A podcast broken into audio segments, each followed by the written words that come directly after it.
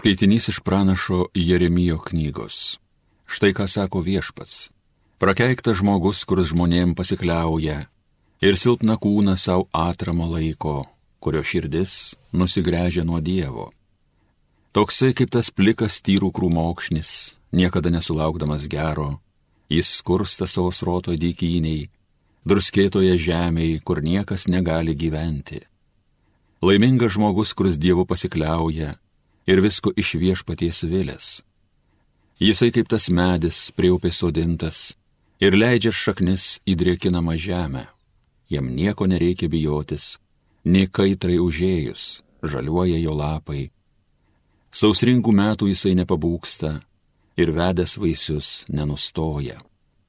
Perdėm jau klastinga širdis ir sugedusi, kasgi ją perprasti gali. Aš viešpats, perprantu širdį ir ištiriu inkstus, įdant kiekvienam atsilyginčiau pagal jo kelius, pagal darbo vaisius. Tai Dievo žodis.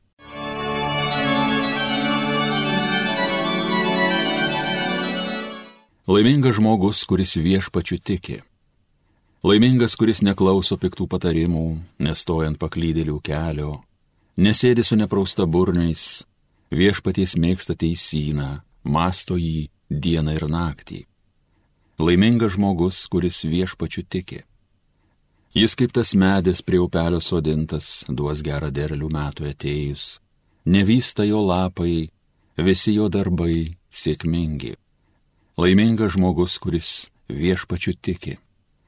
Netaip su bedieviais, netaip, jie kaip pelai sklaidomi vėjo, į teisiųjų gyvenimo kelią viešpats žiūri maloniai o kelias bedievių į pražūtį veda. Laimingas žmogus, kuris viešpačiu tiki. Šlovėtau Kristau amžinosios garbės karaliau. Tu atsėmėjai savo gerybės, o lozorius tik nelaimės, todėl jis susilaukė paguodos, o tu kenti. Šlovėtau Kristau amžinosios garbės karaliau. Evangelija pagal Luką. Jėzus kalbėjo fariziejams. Gyveno kartą vienas turtuolis. Jis vilkėjo purpurų bei ploniausią drobę ir kasdien ištaigingai potaudavo.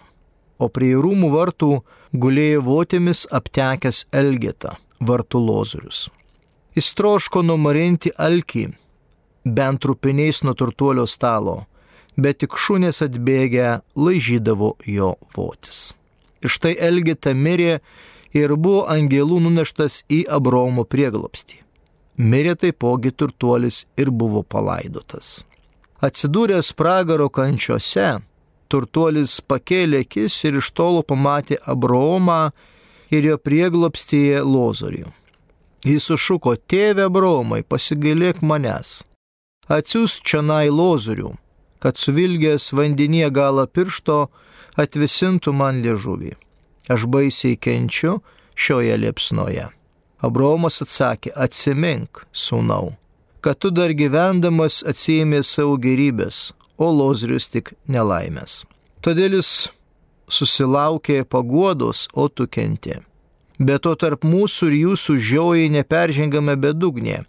Ir niekas panorėjęs iš čia negali nueiti pas jūs, nei iš ten persikelti pas mus tas vėl tarė, tai meldžiu tave nusiųsk į bent į mano tėvo namus, ašgi turiu penkis brolius.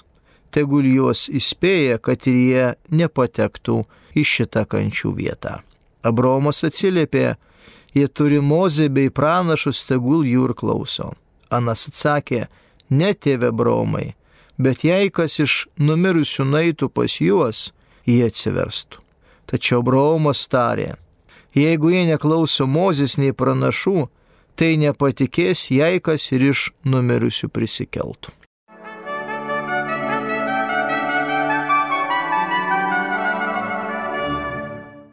Brangus Marijos radio klausytojai, ką tik tai girdėta Evangelija mums kalba apie turtuolio ir lozariaus palyginimą. Ir kadangi mes esame dabar gavėnios laikotarpį, Pelenų trečianį skaitėme Evangeliją pagal Matą, kur buvo iškeltos trys sąlygos - malda, pasnikas ir išmalda. Taigi šiandieną mes turime tą būtent trečią elementą - išmaldą arba pastebėti šalia esantį žmogų, kuris yra stokojantis.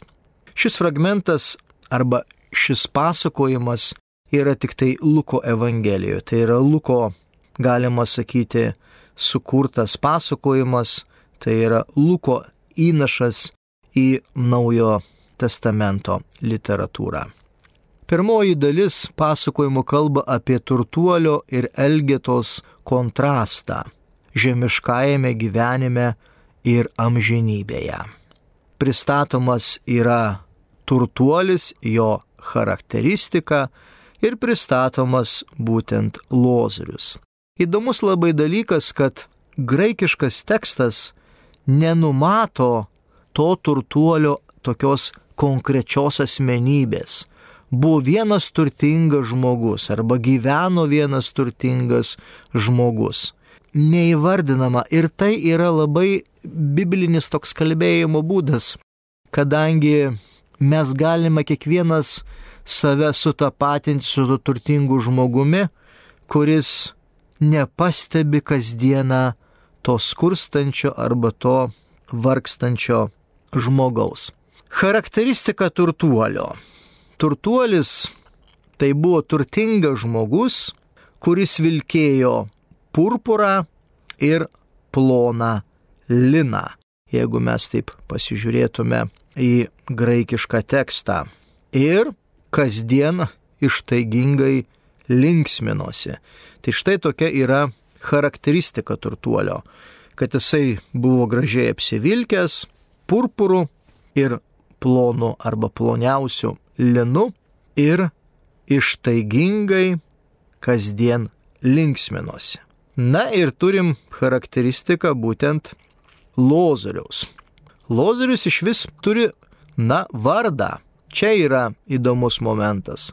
Hebrajiškai Lazaros reiškia kilęs iš Elizer, mano Dievas yra pagalba arba Dievas padeda, Jahve ateina su pagalba. Taigi jau šio asmens vardas pasako, koks yra jo gyvenimo tikslas, ko jisai siekia, jisai turi savyje tą, na, užkoduotą vardo reikšmę, kad mano Dievas yra pagalba.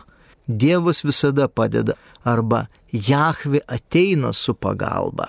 Ir toliau Lozoriaus charakteristika yra ta, kad jisai apibrėžiamas kaip vargšas.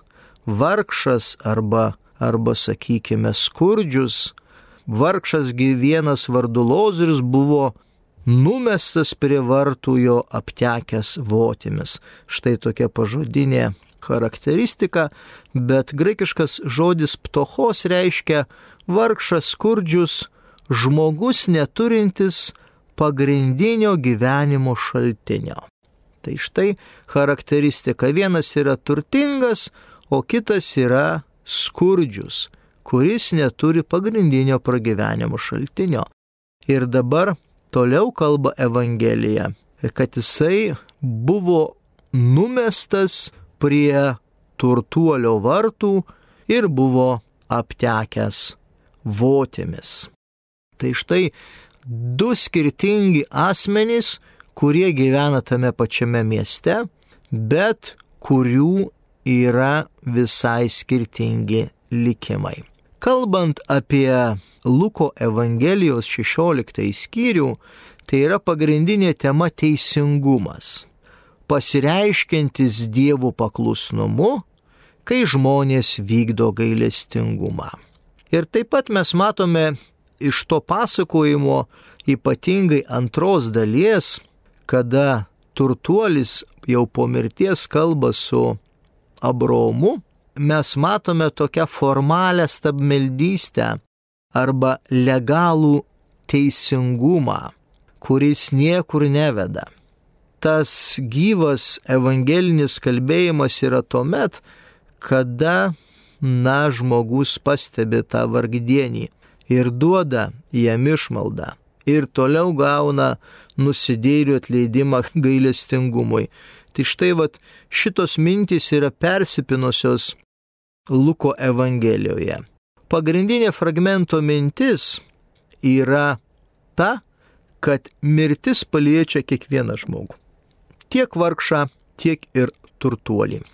Pagrindinė fragmento vieta 16 skyrius 29 eilutė Dievo žodžio klausimas atveria akis ir širdį broliškai meiliai, kuri pasireiškia draugų ieškojimu, kuri nuves į dangaus tėvynę. Dievo žodžio klausimas veda į aktyvų gailestingumą stokojantiems broliams. Tokia yra pagrindinė mintis. Taigi dabar pasižiūrėkime truputėlį į tekstą. E, Lukas iš karto pasakoja būtent tą negatyvumą, nors iš pirmos eilutės tai atrodo, kad viskas yra, na, tobula. Gyveno kartą vienas turtuolis, jis vilkėjo purpur bei ploniausią drobę arba, arba linu ir kasdien ištaigingai potaudavo. Taigi, atrodo, kad tai yra žmogaus gyvenimas laimingas, palaimingas. Ir dabartinėme kontekste, jeigu mes vat, žiūrime, ką pasaulis mums diktuoja arba kur pasaulis mums veda, tai va štai čia yra pasaulio dvasia, tai yra pasaulio tikslas - gyventi turtingai, e, būti apsirengusi, apsivilkusi gražiausiais drabužiais, nieko nedaryti ir kasdieną ištaigingai potauti. Tai yra dabartinio sėkmingo žmogaus iš tikrųjų, na, charakterio bruožas, gyvenimo būdas. Na, o sekanti eilutė jau kalba visai kitą perspektyvą, kad e, o prie jo rūmų vartų gulėjo votimis aptekęs Elgeta vartų lozorius. Jis troško numarinti elkį bent trupiniais nuo turtuolio stalo, bet tik šunys atbėgę laižydavo jo votis. Taigi Antras personažas Lozorius, jisai visiškai nėra patrauklus, visiškai nėra populiarus nei tuo metinėje kultūroje, nei mūsų kultūroje. Bet sekant įlūtė kalba, kad štai Elgeta mirė ir buvo angelų nuneštas į Abromo prieglopstį. Taigi pirmas iš tų asmenų miršta būtent Lozorius. Na, galbūt dėl to, kad jisai neturėjo ką valgyti, jisai neturėjo kur mėgoti, dėl to jo žemiškas gyvenimas pasibaigė greičiau. Mirė ir turtuolis ir buvo palaidotas. Kentėdamas mirusiųjų pasaulyje, turtuolis pakėlė akis ir iš tolo pamatė Abraomą ir jo prieglopstyje Lozorių. Evangelistas Lukas toliau jau pasako mums amžino gyvenimo perspektyvą, kas vyksta po mirties. Po mirties žmogus yra palaidojamas ir po mirties yra kančia. Kančia mirusiųjų pasaulyje.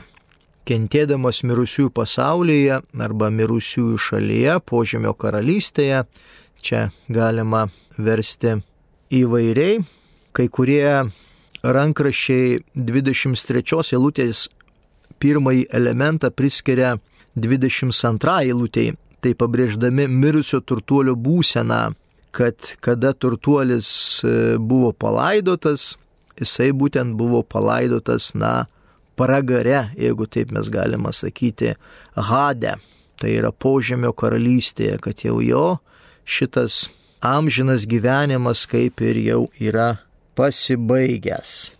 Na ir toliau yra antroji pasakojimo dalis, kuri pavadinta Turtuolio ir Abromo dialogas ir toksai labai labai svarbus šūkis, ką Abromas pasako tam turtuoliui, kad jau yra per vėlu. Jis sušuko, tėve Bromai, pasigailėk manęs, asiūs čia nailozrių, kad suvilgęs vandenyje galą piršto atvisintų man liežuvį, aš baisiai kenčiu šitoje liepsnoje. Abromas atsakė, atsimink sunau, kad tu dar gyvendamas atsijėmė savo gerybės, o lozrius tik tai nelaimės. Todėl jis sulaukė paguodos, o tu kenti. Bet o tarp mūsų ir jūsų žioji neperžengiam bedugnė ir niekas panorės iš čia negali nueiti pas jūs, ne iš ten persikelti pas mus. Taigi, kalbant apie eschatologiją, apie būtent skaistyklą, apie pragarą, apie dangų, čia labai viskas aiškiai yra išdėstyta būtent Luko Evangelijoje, kad yra didelė praraja tarp dangaus ir skaityklos ir pragaro ir niekas negali ateiti nebent, aišku, tai yra Dievo valioje. Ir mes matome, kas yra labai svarbu. Labai svarbu yra žemėje daromi geri darbai. Mano gyvenimas, kokį aš vedu žemėje gyvenimą. Ir svarbiausias dalykas va būtent, na, padėti, pagelbėti, sušelbti tą neturtingą žmogų. Ne vien tik tai gyventi dėl savęs, bet reikia pastebėti ir šalia tą neturtingą žmogų.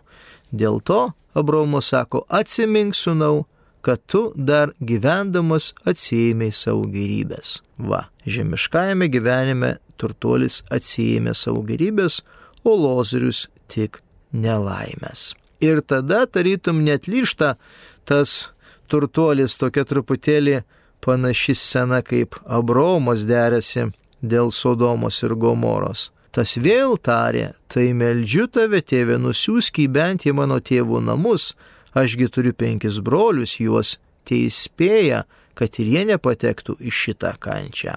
Ir ką Abraomas atsako, jie turi mozę bei pranašus, tegul jų ir klauso. Tai štai vėlgi tas labai svarbus akcentas gavėnios laikotarpį tai yra šventasis raštas.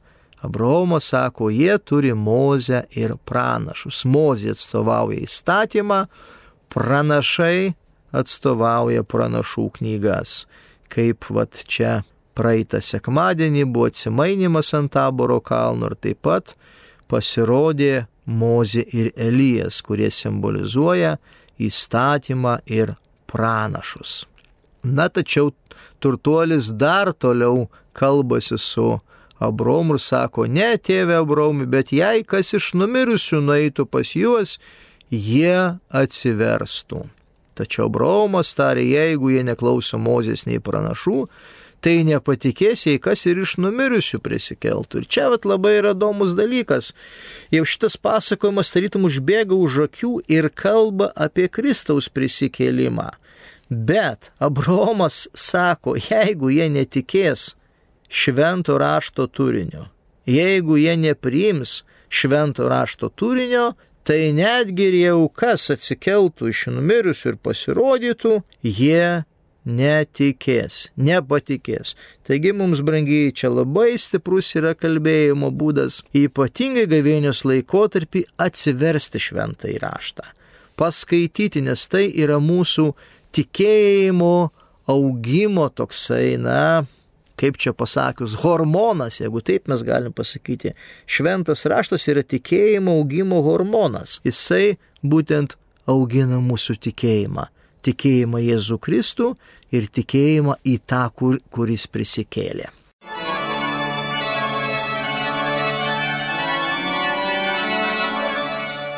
Homilija sakė kunigas Linas Šipavičius.